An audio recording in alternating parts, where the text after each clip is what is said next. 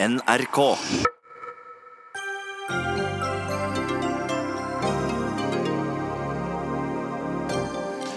Franske fagforeninger har avvist president Macrons forslag om julefred. Dermed fortsetter togkaoset i dag, og flere franskmenn må belage seg på å kansellere juleferien. Nye regler for hvalsafari. NHO Reiseliv er bekymret for innstrammingen og et havari for den populære aktiviteten. Det er eh, takket være den etter hvert så utskjelte oljen at millioner av mennesker har fått økt levestandard, hevder samfunnsøkonom, som møter en ikke fullt så oljebegeistret leder av Naturvernforbundet. Og nesten samtlige komponister som spilles i dag, er både menn og døde. Hvorfor spilles ikke mer musikk fra kvinnelige komponister?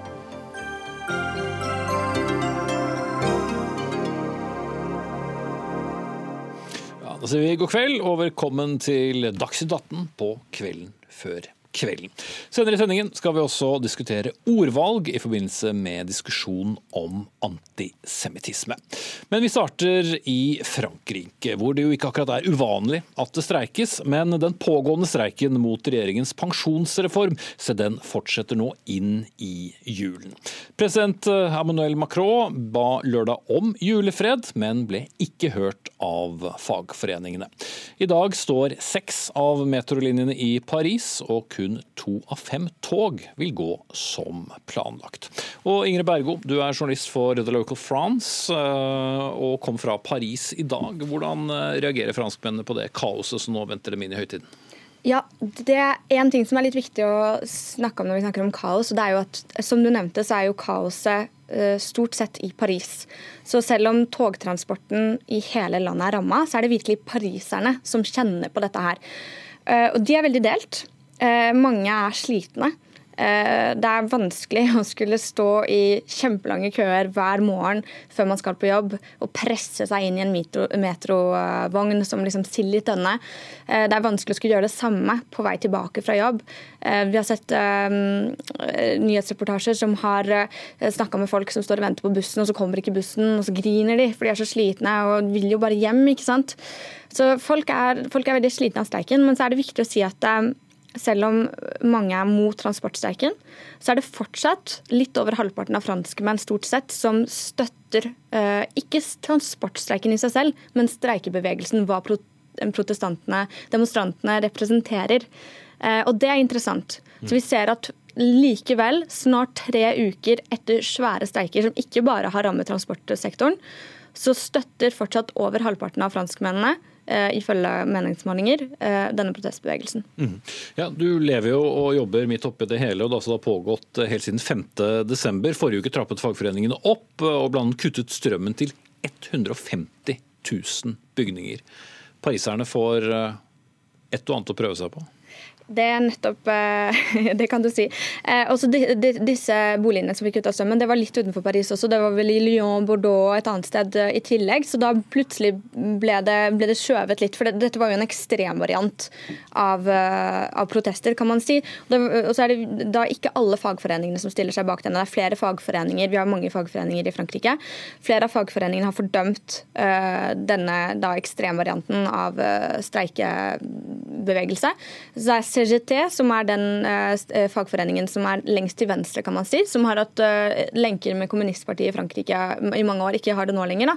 Men de er ofte den streikbevegelsen som er mest hardcore. Og det er de stolte over også. De har sagt det flere ganger. Vi står her, vi skal være den siste, siste streikende mann i gata, eller siste streikende person, kvinne i gata, til uh, regjeringen trekker tilbake denne reformen. Så de har ikke tenkt å gi seg.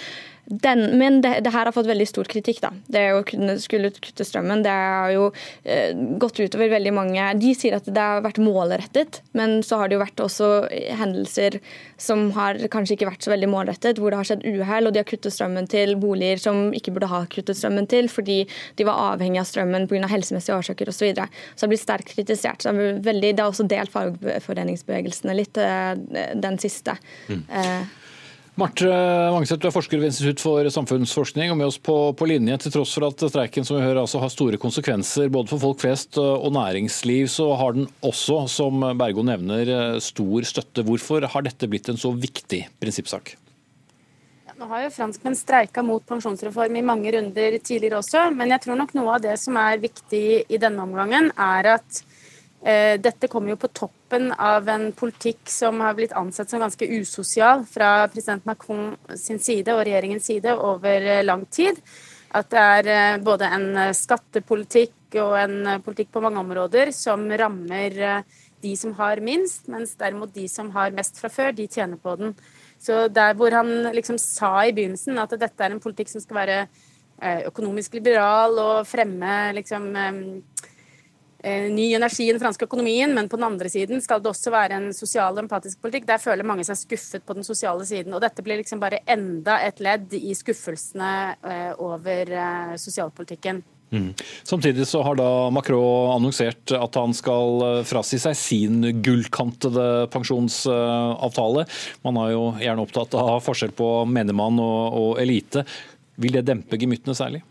Ja, altså det, det, skulle nok bare mangle at han ikke gjorde et sånt uh, forsøk på et symbolsk uh, inntrykk der, i og med at den mannen som har drevet hele denne pensjonsreformen og vært liksom pensjonsreformmannen Delevoye, han måtte jo nettopp gå av pga. Eh, korrupsjon eller korrupsjonsanklager. Han har eh, hatt ekstra jobber i tillegg til ministerposten sin og tjent enorme summer eh, penger som han skulle ha oppgitt ifølge fransk lov, og som han ikke har nevnt noe om. Og det tar seg jo ikke ut at en eh, mann som ber alle eh, stramme inn og ofre litt for fellesskapet, selv håver inn penger på den måten. Så Det, det er ikke så rart at eh, Macron prøver seg på en litt sånn symbolsak nå, men det spørs om det holder. Det skal nok mye mer til. Og Denne saken har jo rullet og gått da gjennom det meste av desember, og vi har også snakket om den tidligere her i Dagsnytt 18, Marte Mangseth. Men hvorfor igjen er det så viktig for regjeringen da å samordne alle disse pensjonsordningene? Hvorfor er dette en, en så viktig sak? Altså, I likhet med de fleste andre europeiske land så står jo Frankrike foran store demografiske endringer. En aldrende befolkning, og det blir færre arbeidstakere per pensjonist. Så skal man klare å opprettholde en viss uh, balanse i budsjettet, så, som de allerede er et godt stykke unna i Frankrike, så må de eh, endre pensjonssystemet. Eh, der, de trenger både å få folk til å jobbe lenger. Frankrike er det landet i Europa hvor folk lever lengst Eh, etter at de har gått av med pensjon. Eh, men det er også det at det er et spesielt komplisert pensjonssystem med veldig mange unntak eller spesialregimer for spesielle grupper. Så det er et ønske om å forenkle og lage et mer likt system over hele linja. Mm. Ingrid Bergo, eh, du jobber da som, som, journalist som nevnt midt oppi det hele. og Hvor mye da dominerer denne pågående saken dag etter dag etter dag nyhetsbildet både i, i Paris og, og Frankrike? Helt ekstremt. Det er det eneste cirka, vi har snakka om nå i flere uker da, siden det begynte med de ordentlige streikene. Dette er jo den største streikebevegelsen eh, siden 1995. Eh, da som var sist gang de uh, streiket de... Eh, mot det samme. Da var det Jacques Chirac som var president. Ikke sant. Og da, det som skjedde da, var jo at uh, de, de, de, ville reformere pensjonssystemet uh, ganske radikalt, sånn som det de vil, vil gjøre nå. Og franskmenn ville ikke ha noe av det. Og så gikk da gruppene som har størst effekt når de streiker, ut i gatene og streiket, og det er jo transportsektoren. Vil du lamme et land, så lammer du transportsektoren. ikke sant? Og spesielt i Paris. Dette her er også, eh, Marte nevnte det jo litt også, den franske streikementaliteten. ikke sant? Det handler om at um, hvordan er det vi kan uh, Franskmennene tenker at hvordan er det vi kan få mest politisk effekt. OK, da sender vi folk ut i Paris, og så sender de 600 000 demonstranter ut i Paris, og så ser det ut som en veldig stor bevegelse, men så er det jo egentlig bare 1% men det er ganske effektivt. Det har vist seg ganske effektivt. Og det er også for franskmenn har en helt annen, uh, en helt annen samfunnsmodell enn det vi har. Vi har jo trepartssamarbeid. ikke sant? Franskmennene har ikke den muligheten. Så fagforeninger sier at ok, den muligheten vi har til å påvirke hva som skjer, det er til, til syvende og sist å gå ut i gatene og streike.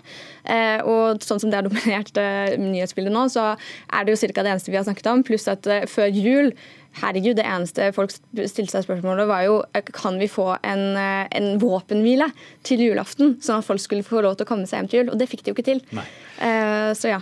Hvor lenge klarer de å holde på, da? Fordi det koster jo å være i streik, og ingen streikekasser er utømmelige. Nei, det er nettopp det. Og streikekassene er vel ikke så store heller. Jeg har snakka med to av fagforeningene, FTT og CGT, som er de to største. CFTT som er da litt nærmere uh, regjeringen uh, politisk sett, og CGT som er lengst til venstre. Og de sier at uh, det varierer litt, men CFTT har 16 euro per dag for de som streiker i transportsektoren. 16 euro er ikke mye. Men CGT hadde vel mellom 10 og 50 euro ca., så det varierer veldig. Det er ikke mye heller. Og jeg, de streikerne jeg har snakka med, da, som jobber for eh, tog, jernbaneselskap f.eks. i Paris, og som har streika selv siden 5.12. og mista en dags lønn for hver dag de har streika, pluss en dags lønn for helgene de har streiket også, for det inkluderes. Eh, han ene jeg snakka med, han sa at jeg kommer til å være så upopulær på julaften fordi barna mine kommer ikke til å få julegaver. Og jeg har en jente på 13, en gutt på 15. De forstår ikke hvorfor jeg streiker. Medie, I mediene så ser de at vi er liksom de store slemme, den store slemme grinchen som stjeler julaften fra folk som ikke kommer seg hjem på juleferie. Eh, men jeg har ikke noe valg. Nå har vi gått helt inn. Eh, og vi har stått i det så lenge, så vi må bare fortsette. Og det er liksom operasjon kamikaze, egentlig. Til slutt, eh, Marte Bangseth.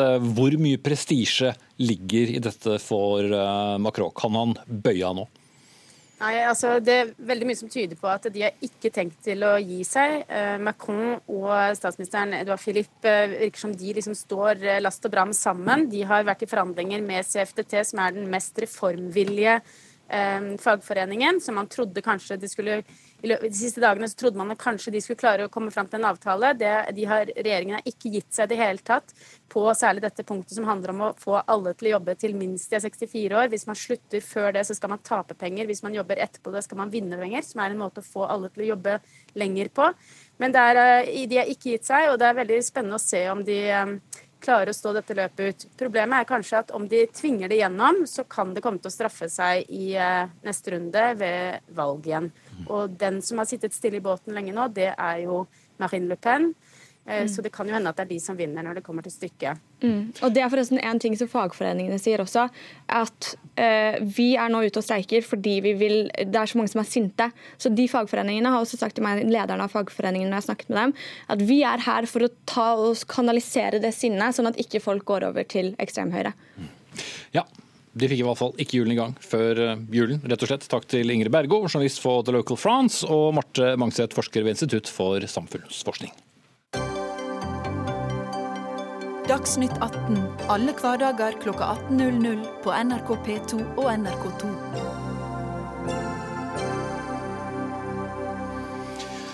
Og Dagsnytt 18 beveger seg eh, litt lenger over i det mer maritime miljøet nå. Har du lyst til å padle eller dykke nær hval, ja, så må du tilpasse deg nye regler som er eh, kommet. Myndighetene har nettopp lagt frem nye reguleringer som skal legge opp til bedre dyrevelferd, samt bidra til å unngå det som omtales som farlige situasjoner mellom hvalsafari og fiskefartøy. Men Ole Mikael Bjørndal, næringspolitisk fagsjef i NHO Reiseliv. dere er kritisk til disse reglene som skal regulere hvalsafarien. Eh, hva er dere kritiske til? Vi syns eh, det går altfor langt. Eh, det startet jo, eller Før 9.12. i år så var det jo ingen reguleringer. Det var jo null meter i avstand til fiskefartøy. Og så har man da satt to grenser, en på 0,2 nautiske mil. Nå kan vi sikkert snakke i meter. for det er lettere. 370 meter? Ja, en nautisk mil er 1852 meter, men folk skal slippe å regne. Eh, det er 370 meter til en for vanlig hvalsafari, altså ikke dykking. Mens hvis det er oppe i dykking og kajapadling, så er det oppe i 0,4. Mm, 740 ja, meter, for som har regnet ut dette på forhånd. Ja, og for en del av mine medlemmer så betyr dette at det nærmest fjorden er stengt for den aktiviteten de driver med. og Dette er såkalt high yield, low impact-turisme. Uh, det gir, genererer mye inntekter og har et lite avtrykk. Uh, de selger uh, turer som er veldig innbringende, og som, som, betaler, altså som, som, er veldig attraktive, og som er en type turisme vi egentlig ønsker å satse på. Det viser også at man klarer å ivareta ta reiselivet i pakt med naturen på den måten man driver på. Og De frykter nå for, eh, for framtiden, fordi det er, det er vanskelig å, å, tilpasse de eh, avstandskravene. Og vi mener vel egentlig at den, den, I dag så er det svært mange som driver med vasefare som har retningslinjer som følges veldig godt. Og det løses også veldig godt på havet med andre yrkesfiskere. Så det er egentlig de reglene her så er, ganske overflødige. Harald Tom Nesvik, fiskeriminister fra Fremskrittspartiet. Det er jo dere som da har vedtatt eh, disse reglene. Hvorfor trenger vi dem? For det første så er det fordi at mange dessverre ikke har retningslinjer, som det her blir henvist til. I tillegg så har det både med dyrevelferd å gjøre knytta til, til hvalen sjøl, men ikke minst så har dette med sikkerhet å gjøre. Eh, vi har fått eh, innrapportert eh, en rekke meldinger, både fra Fiskeridirektoratet og fra Kystvakta, fra næringsaktører osv., om at det som skjer der ute, dessverre ikke er så organisert som NHO her henviser til. Dette har med havdeling å gjøre. Og Havdeling det dreier seg om å ha respekt for hverandre sin virksomhet. Eh, og det å si at eh, fordi at du må være 370 meter unna fiskeredskap eller eh, fartøy i fart som utøver sin næringsvirksomhet, at det medfører at man ikke kan drive sin virksomhet, det er med respekt å melde er i hvert fall veldig uenig i. En fjord er relativt både lang og noen steder også brei. Dette dreier seg om sikkerhet. og Det som virkelig kan ta knekken på hvalsafarinæringa, er jo ikke at man regulerer virksomheten på en skikkelig måte, men at du kan få dødsfall. Du kan få dødsfall, eller at du kan uh, plage dyra, altså dvs. Si nedsatt dyrevelferd, som gir et dårlig rykte. Disse tingene må vi ta hensyn til på vegne av alle som bruker fjorden vår. Bjørndal. Eh, jeg er helt enig i at man skal dele havet. Eh, og Vi hadde jo et eh, subsidiært forslag her hvor vi foreslo at alle kunne få en grense på 0,2. For da hadde det Som igjen er 370 meter? Ja, som 300, ja, 370 meter. Alle kunne få en grense på 370 meter, fordi da ville det faktisk vært mye lettere å drive med den aktiviteten som hvalsafari innebærer, som kan være å se på og dykking og andre ting. Men så, og I tillegg så opplever vi jo da fra våre medlemmer så hører vi at man har veldig god kontakt med yrkesfiskere. og Mange av de som driver med hvalsafari i dag, er jo tidligere yrkesfiskere. Og Hvis man da ville, så kunne man åpnet opp for minnelighet på sjøen, at man løser og kunne gått enda nærmere, f.eks. 100 meter, hvis fiskefartøyet sa det var greit. Sånn at man faktisk kunne åpnet opp for en litt rundere eh, Men er ikke det problemet hvis ting blir for rundt? da? Nei, altså, I dag har man jo null. Så hvis man hadde kommet med regler som var mer moderate, hvor man åpnet sa at grensen er 370 meter, eh, hvis du vil gå nærmere, så må du avtale det med fiskefartøyet. Og så, så hadde man faktisk hatt en start. Og jeg vil jo egentlig utfordre Nesvik på at hvis man nå ser at den grensen på 0,2 egentlig holder, kunne man kanskje klart å gå ned til 0,2 på alle, eh, for å evaluere dette regelverket og få det mer eh, likeverdig for alle parter. Nesvik. Nå, nå, er dette forslaget, det er Grunnen til at det knytter to forskjellige grenser, er knytta til at det har med sikkerhet å gjøre. Eh, hvis du skal drive med padling, med dykking, med svømming, eh, så nært inntil eh, til et fartøy som vi har sett på i dag, så er det livsfarlig, rett og slett. Vi har selv sett eh, si, filming eh, fra båter der du ser lyktene til dykkerne kommer helt inn til nettet, samtidig som en båt ligger og pumper fisk. Dette er reinspikka galskap, for å si det på godt sunnmørsk. Derfor må vi sørge for at vi har et regelverk. Hvorvidt at Nå har vi valgt denne tilnærminga på 0,2 og 0,4, altså 370 meter og 740 meter muligheter for å ivareta dette. Og Det er faktisk det er ikke noe vi har funnet på. Dette er jo aktørene sjøl også som har bedt om at man får klarere retningslinjer for å sikre sikre eh, samdrifta på havet, for også for å sikre virksomhetene. Her er jo også aktører innenfor hvalsafarien som ønsker klarere retningslinjer for hvordan man skal forholde seg til dette. Og så ser vi også en del som ikke følger regelverket, som rett og slett gir blaffen i det.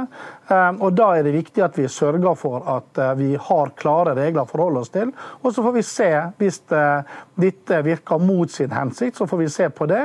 Virker det etter hensikten, så får vi, se, får vi Eh, ta det med oss. slik at eh, Det viktigste her nå er å ivareta sikkerhet, ivareta begge næringene. For ikke ivareta begge næringene. Mm. Og det er jo ikke slik at hvalsafaribåter er nødt til å følge etter fiskefartøy for å utøve sin virksomhet. Det kan man også finne ut av selv. Men går ikke dette da utover nettopp alle de som driver hvalsafari på en forsvarlig måte, fordi det finnes noen som ikke gjør det, og da blir det verre for alle?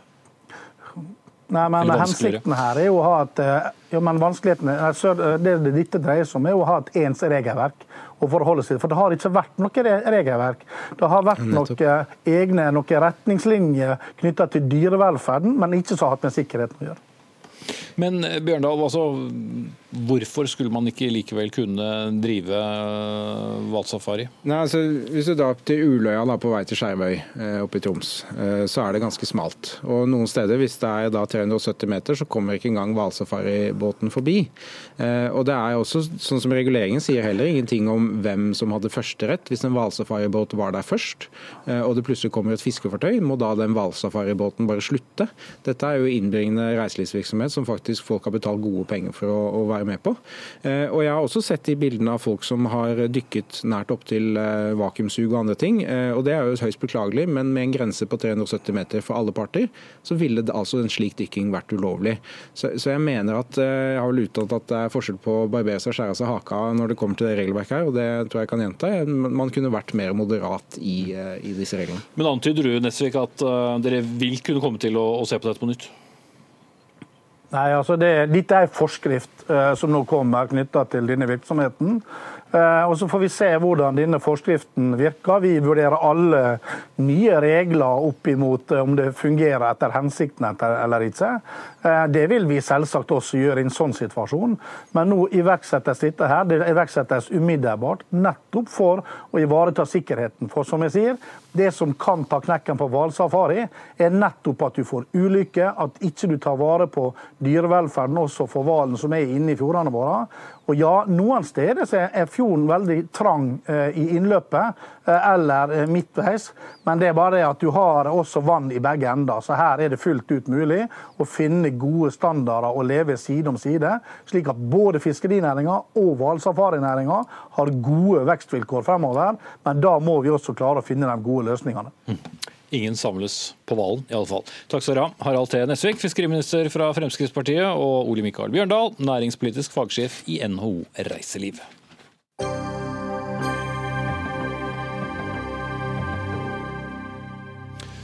Senere i sendingen skal vi snakke om at eh, fem menn er dømt til døden i Saudi-Arabia for drapet på den regimekritiske journalisten Jamal Khashoggi, som ble drept i oktober i fjor. Men vi skal eh, aller først nå snakke om noe vi ofte snakker om, nemlig olje og for så vidt klima.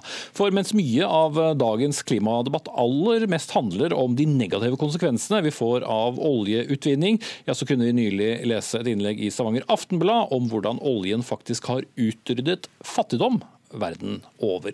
Så Samtidig som den er en kilde til forurensning, har den også forbedret levestandarden til svært mange mennesker. Og Samfunnsøkonom Øystein Sjøli, det er du som skrev innlegget. Hva ville du med det? Mm, det var riktig som du sier at jeg ville påpeke at uh, olje, når man bruker olje, det, har det noen negative konsekvenser. Det, man slipper ut klimagasser, som vi vet uh, har risiko for uh, levekårene for menneskene på, mye kloden, på mye, over mye av kloden. Samtidig har det veldig mange positive konsekvenser også. Uten tilgang til energi så må bonden bruke hakke når han skal grave i jorda. Veiarbeideren må bruke spade. Med energi så kan man få maskiner med som går på denne oljedrevne energien, eh, de blir mye mer effektive, og levestandarden øker. Men Var det som et innlegg i klimadebatten? Ja, det var et innlegg i klimadebatten i den forstand at, at jeg forsøker å belyse problemer med et eh, klimatiltak som en del har foreslått i Norge, nemlig å redusere eller forsere avviklingen av norsk oljenæring. I dag er det jo 50 år siden eh, Ekofisk-funnet, så vi har et lite jubileum i dag. Eh, eh, og vi, Oljeproduksjonen i Norge er jo redusert de siste årene pga. Ut, at utvinningen er ferdig. Men en del tar til orde for å, å, å, redusere utvendingen kraftigere enn det som er en økonomisk hensiktsmessig. Og Det ble begrunnet med disse negative konsekvensene av olje, som klimautslipp særlig. Eh, men det er viktig å, ta, å huske at eh, olje, bruk av olje har veldig mange positive konsekvenser også for, for kundene. Sånn at verdens fattigdom For 40 eh, år siden så var det to milliarder fattige i verden. I dag er det under én milliard. Så fattigdommen er redusert i en helt enorm grad. Og veldig mye av økningen i klimautslipp i verden har de siste 40 årene kommet til de områdene som for 40 år siden var lutfattige, og som i dag ikke er det lenger. Mm. Silje Ask Lundberg, leder i Naturvernforbundet, og ikke blant de som er gladest i oljenæringen eh, som sådan. Eh, ser du også den positive historien som eh, olje har hatt for, for fattigdom? Altså, det her Innlegget her er jo litt sånn eh, spinnvilt å lese, for å være helt ærlig. fordi det er jo en utrolig selektiv og upresis historiefortelling hvor nærmest alle fremskritt i verden ene og alene skal tilskrives olja, og gjerne også norsk oljeproduksjon. Og så er det i hvert fall veldig vanskelig å skulle lese det her som et innlegg i klimadebatten. Fordi eh, det er greit at man kan lese det som en slags OD til hvor eh, fenomenal olja er, men, men, når det kommer til et innlegg i klimadebatten, så er det, må jeg si, eh, da bommer man ganske mye med det her. fordi det det her innlegget sier, er jo oppvarminga på sikt kan bli et problem. Altså, Klimaendringen er ikke noe som på sikt kan bli et problem. Klimaendringen er noe som er et problem i dag. Det rammer millioner av mennesker i dag, og det truer mennesker på livet. Og da skulle minimere det til noe som på sikt kanskje blir et problem, det er ikke et eh, seriøst innlegg i, i klimadebatten. Altså. Mm. Useriøst, Sjøli? Jeg synes det, i hvert fall Hensikten var å være veldig seriøs. Det er åpenbart at eh, utslipp av klimagasser har risiko for menneskelige levekår. Foreløpig har vi ikke sett veldig mye til at det har ført til at levekårene har blitt vanskeligere. Samtidig er det ikke tvil om at disse aktivitetene som bidrar til klimautslipp, også bidrar til at livet for menneskene blir bedre. Det har jo aldri vært så få som har sultet som nå. Det er jo stadig færre som blir drept i naturkatastrofer, værrelaterte naturkatastrofer. Færre mennesker dør av, av diaré. Veldig mye av dette har med bruk av energi og tilgang til olje å gjøre. Eh, Men Burde du ikke da heller tenke fremover og kanskje skrive om hva burde vi heller bruke av energi i stedet for nettopp eh, de energiformer som gir utslipp? Det er ikke tvil om at vi må ha en klimapolitikk for å unngå disse risikoene for, den, for de problemene som vil komme på sikt. Men den klimapolitikken må være klok, sånn at vi unngår å, å ødelegge den fantastiske fremgangen som vi har opplevd de siste de generasjonene. For Det er også et premiss i det du har skrevet, at dersom vi da eh, reduserer oljebruken drastisk, så vil det også eh, kunne bety flere fattige. Det blir i hvert fall lengre vei ut av fattigdom. Det, på tross av denne store fremskrittene vi har gjort, så er det en milliard nesten mennesker fremdeles som lever i nød, som ikke vet om de har middag i morgen. Hvis vi gjør energi dyrere og vanskeligere tilgjengelig for dem, eller hvis vi gjør det vanskelig tilgjengelig for alle, så vil det primært gå utover de fattigste. Mm. Er du enig i det premisset, Lundberg? Altså, tilgang på energi er helt essensielt. Men det er jo ikke sånn at når man jobber med å få, få, få redusert eh, bruken av olje, kull og gass, så mener man at man ikke skal bruke noe energi, at man skal gå tilbake til hakket, sånn som det her skrives. Og her virker det jo som at man tror nærmest at klimadebatten bare foregår i et norsk vakuum. Det gjør det jo slettes ikke. Over hele verden så jobber man jo nettopp for å få fasa ut kull, olje og gass. Og noen av de sterkeste stemmene for det er jo nettopp stemmene fra sør. Fordi det dem som merker katastrofene i dag. Fordi det er dem som merker den hyppige endringen i ekstremvær og hvordan det rammer allerede i dag. Og da skulle også I, i denne kronikken så, så, står det også at det her er ikke noe som man merker på velferden i dag. Men altså hvis man eh, snakker om, eh, eller med land eh, og mennesker som bor i land som, som Maldivene, Bangladesh, Filippinene, så er det jo ikke noe sånn at de snakker om potensielt kommer velferden vår til å bli litt påvirka. Det handler jo om eksistensen, dersom man feiler i klimapolitikken eller ikke. Og da å skulle hylle den klimapolitikken som er å si bare vi skal fortsette som før. Hvis vi fortsetter som før, så er det ikke nok. Hvis vi fortsetter i dagens tempo, så er det ikke nok. Norge har jo faktisk økt sine utslipp siden 1990. Og dermed skulle si at det vi gjør i klimapolitikken allerede i dag, det er så flott, så det skal vi bare fortsette med. Det er altså, da, da har man ikke skjønt hvor svært dette problemet vi står overfor er, hvor eksistensielt det er, og hvor utrolig viktig det er at vi kommer oss vekk fra fossile energikilder og over på, på løsninger som har null utslipp. Mm, ja, eh, som sagt, Jeg er helt enig i at klimaproblemet er veldig reelt og på sikt veldig alvorlig. Men hvis man fjerner disse grunnleggende billige energikildene, så er det også en kjempestor risiko for eksistensielle problemer ganske umiddelbart. Derfor er det viktig at klimapolitikken er klok. Det er veldig viktig at vi eh, lar være å sløse med energi. Det gjør vi mye i Norge. En god del aktiviteter i Norge er subsidiert, selv om de bruker energi. Vi kan jo nevne elbiler, en god del ja, buss og tog, fly, taxfree. Eh, I stad var det noen her snakket om hvalsafari. Cruisetrafikken blir subsidiert. Og mange andre land sliter jo med sånn politikk som subsidierer energibruk. Det er veldig viktig å slutte med det. Og de subsidierer olje. ikke sant? Det er jo det som er den grunnen til at olje er så billig i dag. Og det er en grunn til at det, det er det som da utkonkurrerer mer bærekraftige løsninger. Man har en vanvittig eh, subsidiering av olje over hele verden. Og da skulle jeg si at ja, nei, det som er subsidiert, det er klimaløsningen, og det er det som er dumt. Altså, det her er den samfunnsøkonomiske tankegangen som er blant på en måte det mørke som har styrt norsk klimapolitikk siden 90-tallet, eh, og, og som man endelig i ferd med å kanskje se eh, en, en, utgang fra.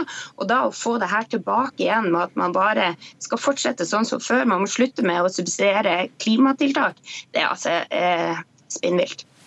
Veldig kort til slutt, uh, Sjøli. Jeg beklager, da tror jeg jeg uttrykte meg uklart. Poenget mitt var å slutte å subsidiere aktiviteter som fører til klimautslipp. Det gjør vi ganske mye i Norge, og det må vi slutte med. Og det må vi begynne med, fordi det er en måte som, eh, det er et klimatiltak som ikke rammer fattige og deres utviklingsmuligheter.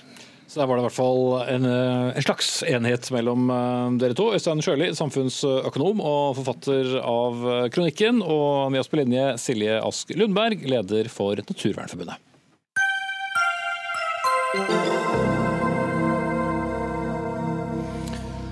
Veldig mange samfunnsdebatter kjører vi her i Dagsnytt 18, men det er noen som foregår på andre arenaer også. og I den siste tiden har det gått en debatt på nettstedet Utrop og i ja, ganske mange kommentarfelt eh, rundt omkring i både nettaviser og ikke minst på eh, sosiale medier om hvilke ord man kan og også ikke kan bruke i debatten rundt antisemittisme. Det er en eh, noe komplisert forhistorie til det hele, så hold deg fast, så skal jeg forsøke å dra den her. For eh, da eh, forstanderen i Det mosaiske trossamfunn, Ervin Kohn, kalte antisemittisme for et virus, ja, så pekte samfunnsdebattant Kjetil Rollnes ut norske muslimer som smittekilden i en kronikk hos Minerva. Begge ble videre sitert av deg, journalist Ingeborg Senneset i Aftenposten, noe som igjen utløste ganske mye kritikk fra flere hold. Og du er med oss nå, Ingeborg Senneset. Ble du overrasket over all den kritikken som kom? Um, jeg ble nok først og fremst um, uh, litt skuffa. Ikke fordi at jeg fikk kritikk, fordi at kritikk er virkelig noe vi i mediene skal være gode på å ta imot, og skal ta imot med åpne armer. Gudene vet det er mye å kritisere oss for. Men det å løfte fram et samfunnsproblem ved å knagge det på uttalelser som har blitt gjort, for å prøve å få frem en utrolig viktig hendelse som fant sted i synagogen i Oslo eh, på en søndag eh, i forbindelse med krystallnatten. Eh, det syns jeg nok var vanskelig å, å navigere i. Da. Det jeg nok syns er mest problematisk, er jo at budskapet drukna i et, i et nok ekstremt velment forsøk på å rydde i begrepsbruk. Eh, men når vi da mister helt grep om selve saken, så blir det nok veldig veldig vanskelig. Mm. Nå vet jeg det at det er mange forskere rundt omkring som kunne ha tenkt seg å delta i det offentlige ordskiftet, men som velger det bort fordi at det er så vanskelig å navigere i. Eh, jeg tror ikke at dette var en god invitasjon til flere stemmer å delta. Samtidig så tenker jeg at vi må på en måte jeg tenker at Nå må vi kanskje prøve å sette litt på punktum her og diskutere det som faktisk teller. Eh, og Det er det at det er antisemittiske holdninger i ulike miljøer i Norge. Stort sett så har jeg konsentrert meg om høyreekstreme. Nå var det en anledning til å ta opp i muslimske miljøer, mest fordi at det ble tatt opp fra imamen sjøl, eh, og viderebrakt det. Vi er nødt til å ta det opp også fordi at de som har antisemittiske holdninger, også en del ganger har antimuslimske holdninger. Og det her flettes sammen i det jeg mener at antisemittisme og fordommer er en slags samfunnssykdom. Da. Eh, nå er jeg veldig redd for å bruke sykdomsbegreper på eh, fordommer og holdningene mer, men det var det vi trengte å ta tak i, og det er det vi virkelig må eh, konsentrere oss om. Jeg tror at det er stor fare for at folk ser på ordskiftet som et utmattende sted. Mm. Hvis det skal være umulig å diskutere de store sakene, og det at drukner litt mindre ord. Ok, Da tror jeg vi har tatt det poenget, eh, men vi skal diskutere det videre. For samfunnsdebattant og skribent Gunnar Tjomli, du reagerer også på at det opprinnelige budskap her om antisemittisme rett og slett forsvant. eh, Fordi det ble rett og slett en diskusjon om hvilke ord som ble brukt når. Ja, jeg syns det er en vanskelig debatt. for at, uh, Nå er jeg jo her i studio med, med Guro Sibeko, fordi hun har kritisert meg òg for det. Og Det er vanskelig, for jeg er i utgangspunktet helt enig i hennes poeng. Og jeg er helt enig i at det er viktig å ta den debatten om begrepsbruk.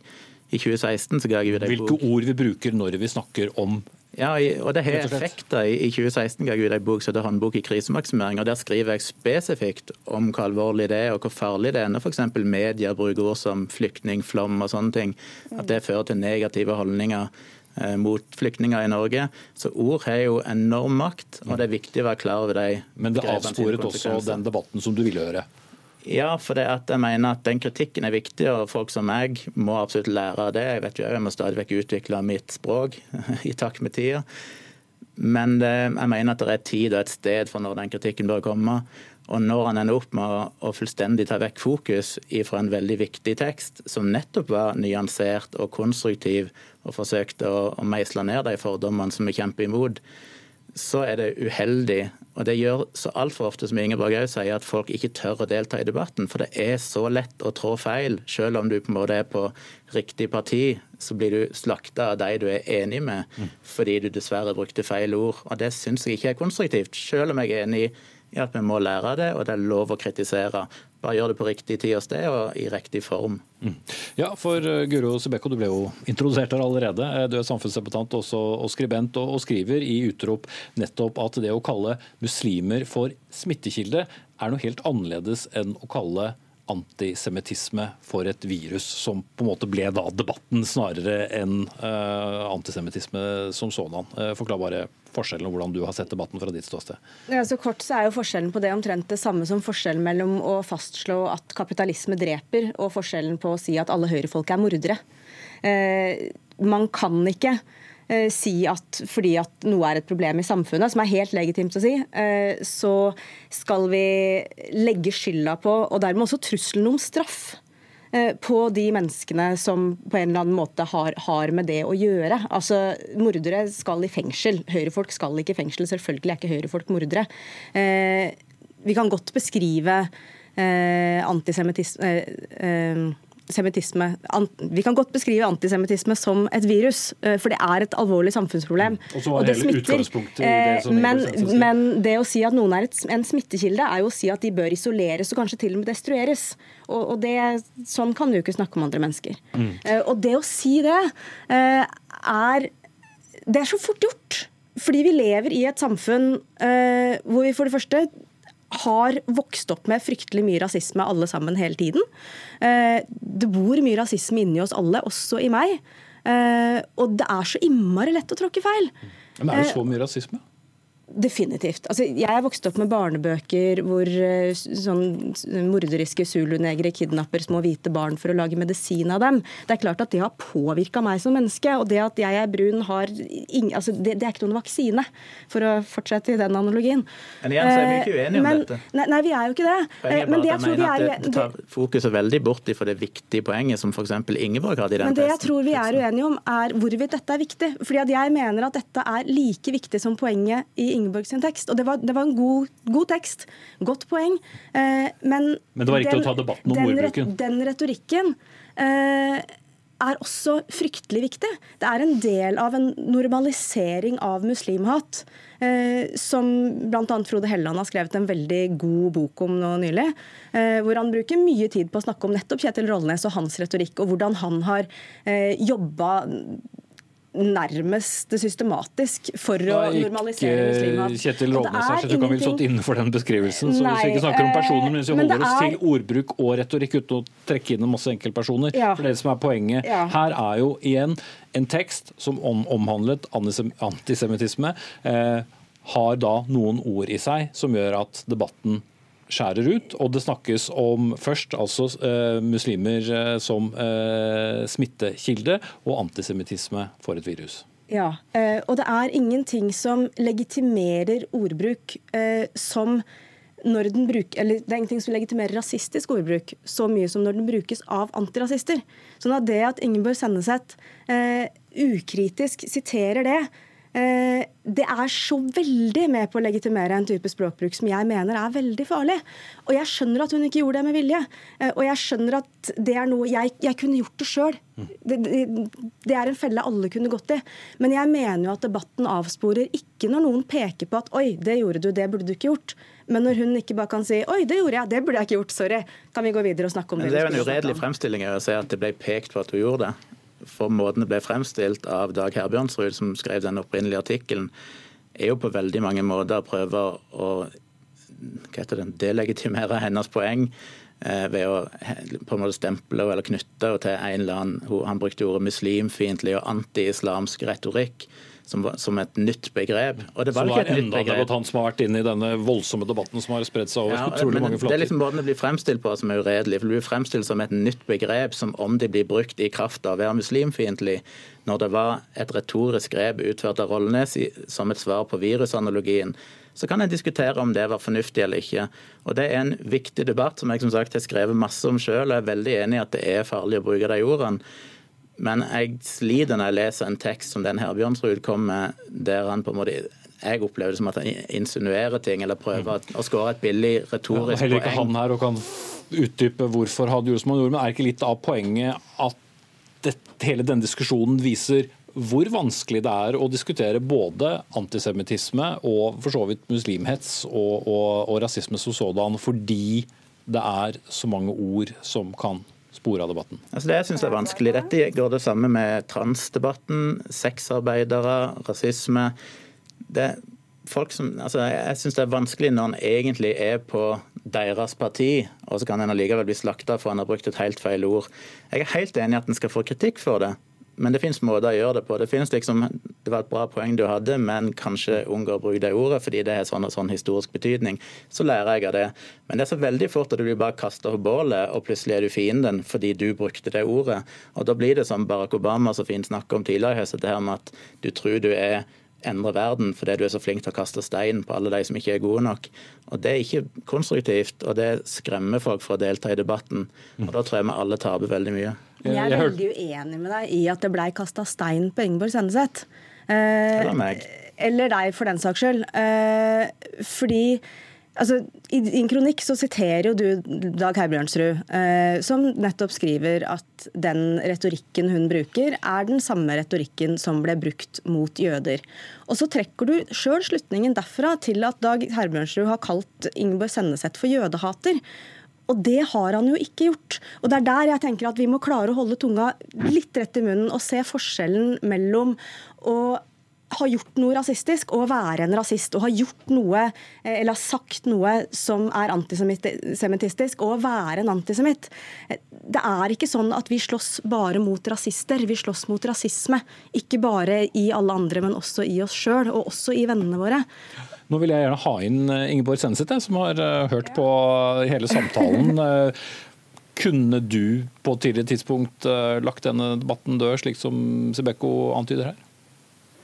Jeg tror det er viktig å understreke at folk må gjerne gå inn og lese den kommentaren. Der bruker jo vi i vi i pressen bruker jo ofte hermetegn eller sånn klamme da, rundt ord som vi siterer fra andre. og Det har jeg også gjort rundt smittekilden. for å på en måte, eh, Det er en slags måte å vise fram at det her er ikke mitt ord, men det er et ord som har blitt brukt. Jo, men, men debatten kom jo som sådan. Kunne ja, du lagt den tidligere? Vi, hva tenker du på da?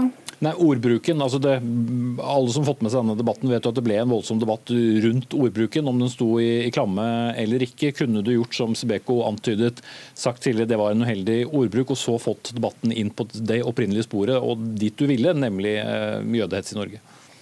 Det jeg synes blir vanskelig da, er at da vil jeg på en måte ha gått god for det ordet som jeg jo reagerte på i utgangspunktet, og derfor satt i klamme for å understreke at det ikke var et ord jeg personlig ville ha brukt. Kanskje kunne jeg understreka det enda mer. Eh, jeg var jo bekymra før den kommentaren her skulle ut for at eh, for at eh, Rollnes da, kom, at han kom til å reagere på min kommentar, som jo kaller han urimelig. Eh, men det ble jo ikke der kritikken kom fra. Men igjen så vil jeg oppfordre folk til å lese det som står der, kanskje med eh, et, eh, et bilde på at det her er noen som prøver å være selvransakende. Annet så prøver jeg å trekke fram den horrible historien Aftenposten har med antisemittisme. Mm. Um, jeg prøver å gå i meg sjøl i hvilke ord jeg bruker. Uh, hvilke ord jeg siterer blir for meg en litt annen sak, men kanskje, kanskje har jeg vært for lenge i pressen sånn at jeg ikke eh, forklarer godt nok hva jeg mener når jeg siterer. Uh, jeg prøver å på en måte komme i møte på det her, men det, det jeg håper virkelig at vi på en måte ikke tenker at det er, noe, det, er noe, det er ikke noe, synd på meg og det er ikke noe synd på dem som skriver i aviser, men det er et kjempeproblem med antisemittisme. Det er et kjempeproblem. Med, jeg er helt uenig når, når det blir antyda at rasisme ikke er et stort problem, for det er et stort problem for dem som blir utsatt for det. og det er okay, ansvaret vårt å ta tak i. For deg der, eh, Ingeborg Senneseth. Vi har i hvert fall tatt debatten om debatten om debatten, om du vil. Og så går det an å bruke deler av julen og finne igjen eh, den debatten og, og føle det i diskusjonene. Søk på navnet på de som var med her og noe av ordbruken. Takk til eh, Guro Sibeko, samfunnsdebattant, Gunnar Tjomli, også samfunnsdebattant, og Ingeborg Senseth, eh, som var med eh, på linje, journalist i Aftenposten. Hør Dagsnytt 18 når du vil. Radio NRK Radio.nrk.no.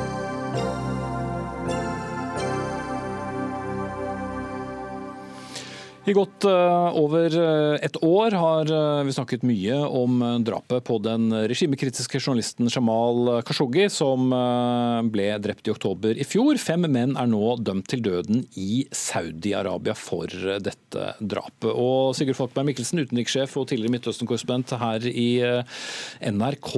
Nå at fem menn er dømt i denne veldig spesielle saken om det veldig spesielle drapet som eh, skjedde på ja, diplomatisk eh, grunn. Hva, hva, har det å si? Nei, det er jo i hvert fall et forsøk tror jeg, fra saudiske myndigheter til å sette et eh, foreløpig punktum for denne saken. Men om de lykkes med det, er jeg ikke sikker på, fordi kritikken har vært ganske sterk etter at de gikk ut med denne dommen nå i dag. Mm. Eh, vi får kanskje for eh, de med eh, litt kortere hukommelse bare minne om hva som gjør den spesiell.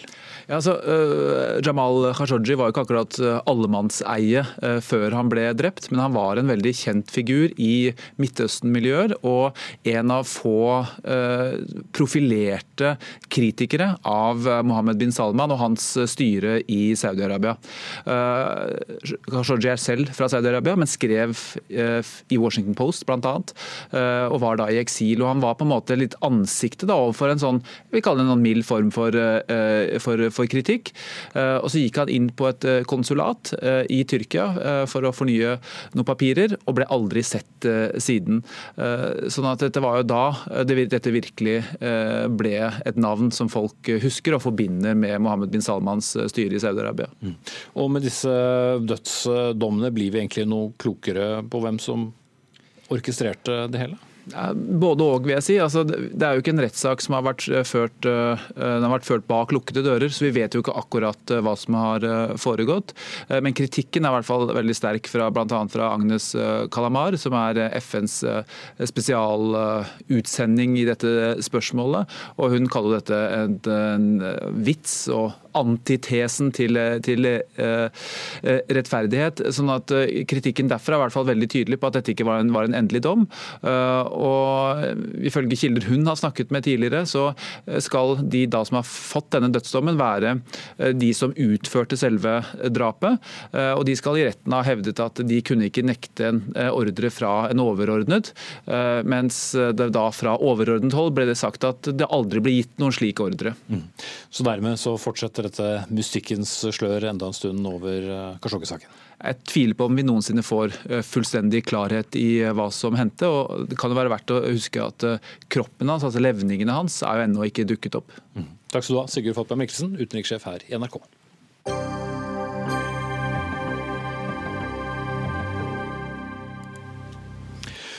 Har du planer om å gå og høre og se et orkester i nærmeste fremtid? Vel, da er sannsynligheten veldig stor for at det er en mann som har skrevet stykket du kommer til, eller stykkene til og med, du kommer til å høre. For ferske tall fra Norsk Komponistforening viser at kun 3% av musikken som spilles hos de store orkestrene, er komponert av kvinner. Og Jørgen Karlstrøm, styreleder i Norsk Komponistforening, det er dere som har kartlagt hvert minutt som statsfinansiert statsfinansierte orkesteret har spilt de siste fire årene. og ja, Var det en stor overraskelse at det først og fremst er um, musikk av gamle og nå også døde menn som fremføres? Nei, ikke som eh, helhet. Altså, vi har jo alle, jeg tror alle vet egentlig at det er mye musikk av døde menn som spilles i orkestrene. Men det som kanskje er litt overraskende, det er jo at det er så lavt som det er. I enkeltorkester, så, altså, Gjennomsnittet i orkestrene er på 2 Når hele undersøkelsen, man ser på hele undersøkelsen, så er det på 3% Men i enkeltorkestre kan du se at det er null. Og ikke bare null prosent, men null minutter. Og eh, Det er jo litt sjokkerende, spesielt siden vi gjorde en tilsvarende undersøkelse i 2011 som sa mye av det samme. og eh, det har vært en svak, svak, svak positiv utvikling, kan vi si. Eh, men det går altfor altfor sakte. og Jeg er overraska over hvor sakte det egentlig går. Men ligger ikke litt av forklaringen i at eh, de store klassiske komponistene og døde komponistene er jo, er jo menn, og så vil det gå en tid før eh, nyere og mer temporære kvinnelige komponister vil få sin plass? Nei, det stemmer ikke. Altså, det har vært mange kvinner som har komponert opp gjennom historien. og Det er nok ikke en 50-50-fordeling, men det er en betydelig antall. og det er det mulig. Det er mulig å framføre den musikken som er skrevet. Samtidig så ser vi jo at det er jo heller ikke en representativ andel av kvinner som har skrevet den nye musikken som framføres i orkestrene heller. Så, og På urframføringer ser vi også at det altså, musikk som spilles for første gang, der er det jo i flere orkester. Og så igjen prosent eh, kvinner. Null minutter og null prosent. Så eh, den eh, historiske framstillinga stemmer ikke helt. Og Samtidig vil jeg si at klassikere er jo ikke noe som bare eksisterer. Klassikere er jo noe man skaper. Og Hvis vi skal få noen eh, klassikere skrevet av kvinner, så må man ta dem i bruk. Mm. Og gjøre dem til klassikere. Ja. Eh, Birgit Hagerup Andersen, du er eh, programkoordinator for Trondheim symfoniorkester og med oss fra Trondheim. Hvorfor eh, er det så vanskelig å putte kvinnelige komponister på plakaten? Ja, Det er ikke så lett å svare sånn veldig fort og enkelt på. Eh, jeg tror noe av grunnen er at så klart at det er færre kvinnelige komponister generelt. Og at de kanskje ikke har blitt, de som er, ikke har blitt trukket fram i lyset. At vi ikke er flinke nok til å trekke dem fram, fram i lyset. Og det ønsker vi så klart å gjøre noe med. Det er helt sikkert. For Er det så risikabelt å ha urfremføringer av, av kvinnelige komponister? Selv om mange sikkert er glad i klassikere, så liker jo mange å høre noe nytt også. Uh, ja, det der er også et komplisert spørsmål. Altså, Risikabelt Jeg syns det må vi gjøre. Vi må så klart skrive, uh, spille musikk av komponister som lever nå. Både kvinner og menn. Eh, vi ser en utfordring med det publikumsmessig, så jeg tror det vi må gjøre Jeg kan jo ikke snakke på vegne av alle orkestrene, men vi må være smart i programmering. Vi må gjøre nye grep som gjør at den musikken som kanskje oppleves, kan oppleves så vanskelig, kan bli mottatt eller kan oppleves på en enklere måte. Så vi har mye å gå på der, tror jeg faktisk. Ja, for I tallene fra Komponistforeningen så ser vi altså 95% av musikken som fremføres, og vel så det er altså laget eh, av menn, men over 20% av Norges komponister i dag er eh, kvinner. så det skal vel ikke all verden til for å klare å fremføre flere stykker av kvinnekomponister? Nei, nå syns jeg at vi har en jobb å gjøre. Også litt for å få synliggjort de kvinnene som er. Og jeg tenker jo at det er jo en del kvinner som er tydelig vi vet om, men jeg tror vi må følge mye. Vi må rett og slett sette spotlighten på kvinner, og kvinner som komponerer. Men jeg tror også at samtidig som orkestrene, og de store institusjonene gjør det, så tror jeg at eh, vi må gjøre det i alle ledd. Helt fra Eh, barn, altså fra barn går i kulturskolen til de store undervisningsinstitusjonene, må jobbe med kvinner og ha gode modeller og i det hele tatt få flere kvinner til å komponere. Mm. For det ligger jo der at, eh, at det er menn som har dominert eh, hele altså kunsten alltid, kunstverdenen. Og det, det er en stor ting som vi må snu på her. Og vi må selvsagt også være med å gjøre det i Orkester-Norge. Mm. La oss flytte oss til en annen by med et godt kjent orkester. Grunde Almeland, du sitter i kulturkomiteen for Venstre og er med oss fra Bergen. Er stat og regjering opptatt av å ha kvinner som komponerer musikk som når et stort publikum, da?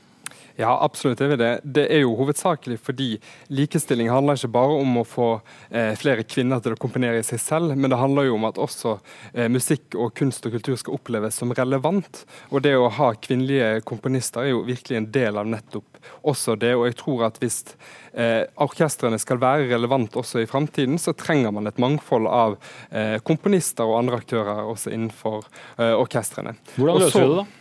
Nei, Det er jo flere måter å gå fram på her.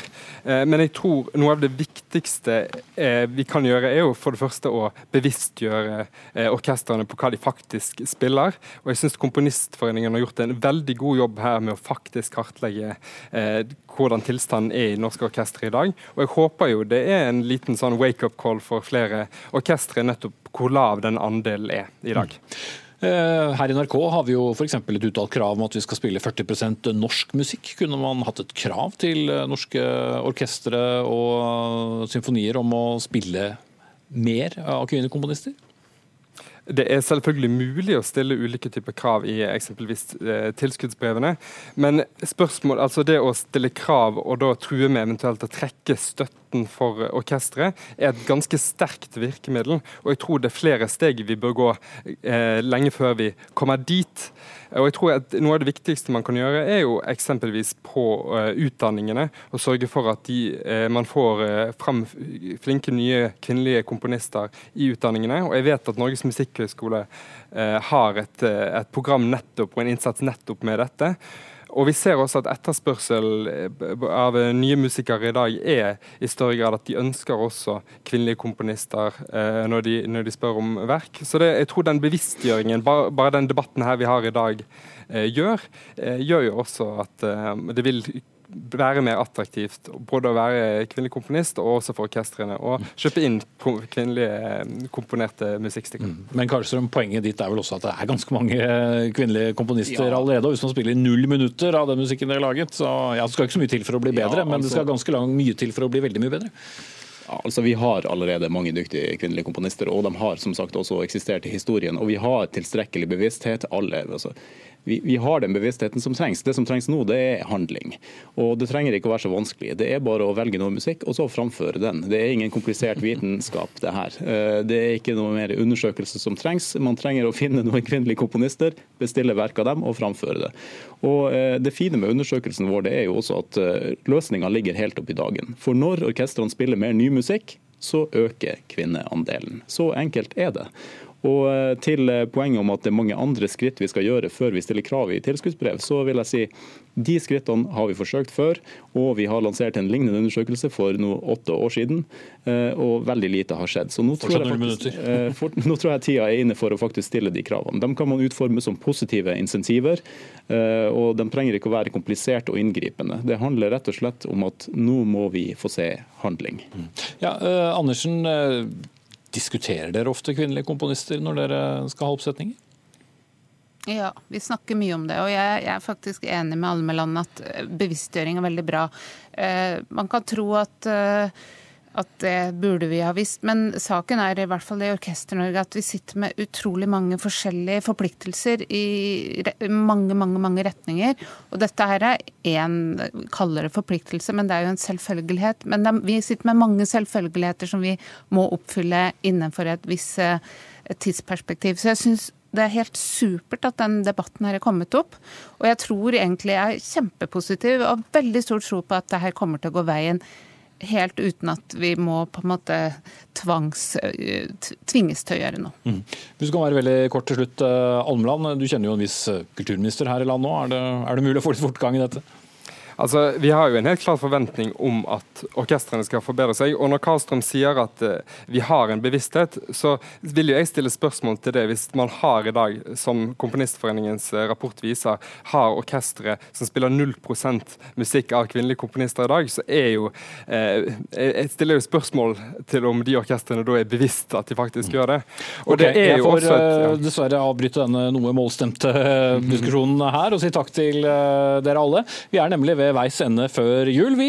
Det er ikke noe Dagsnytt 18 i morgen. Da må vi nesten finne skjegget. Vi som var ansvarlig for denne sendingen, var Dag Dørum, Frode Thorshaug og her i studio Espen Aas. Dagsnytt 18 kan du høre og se igjen førstkommende fredag en, og også om mandag om en uke.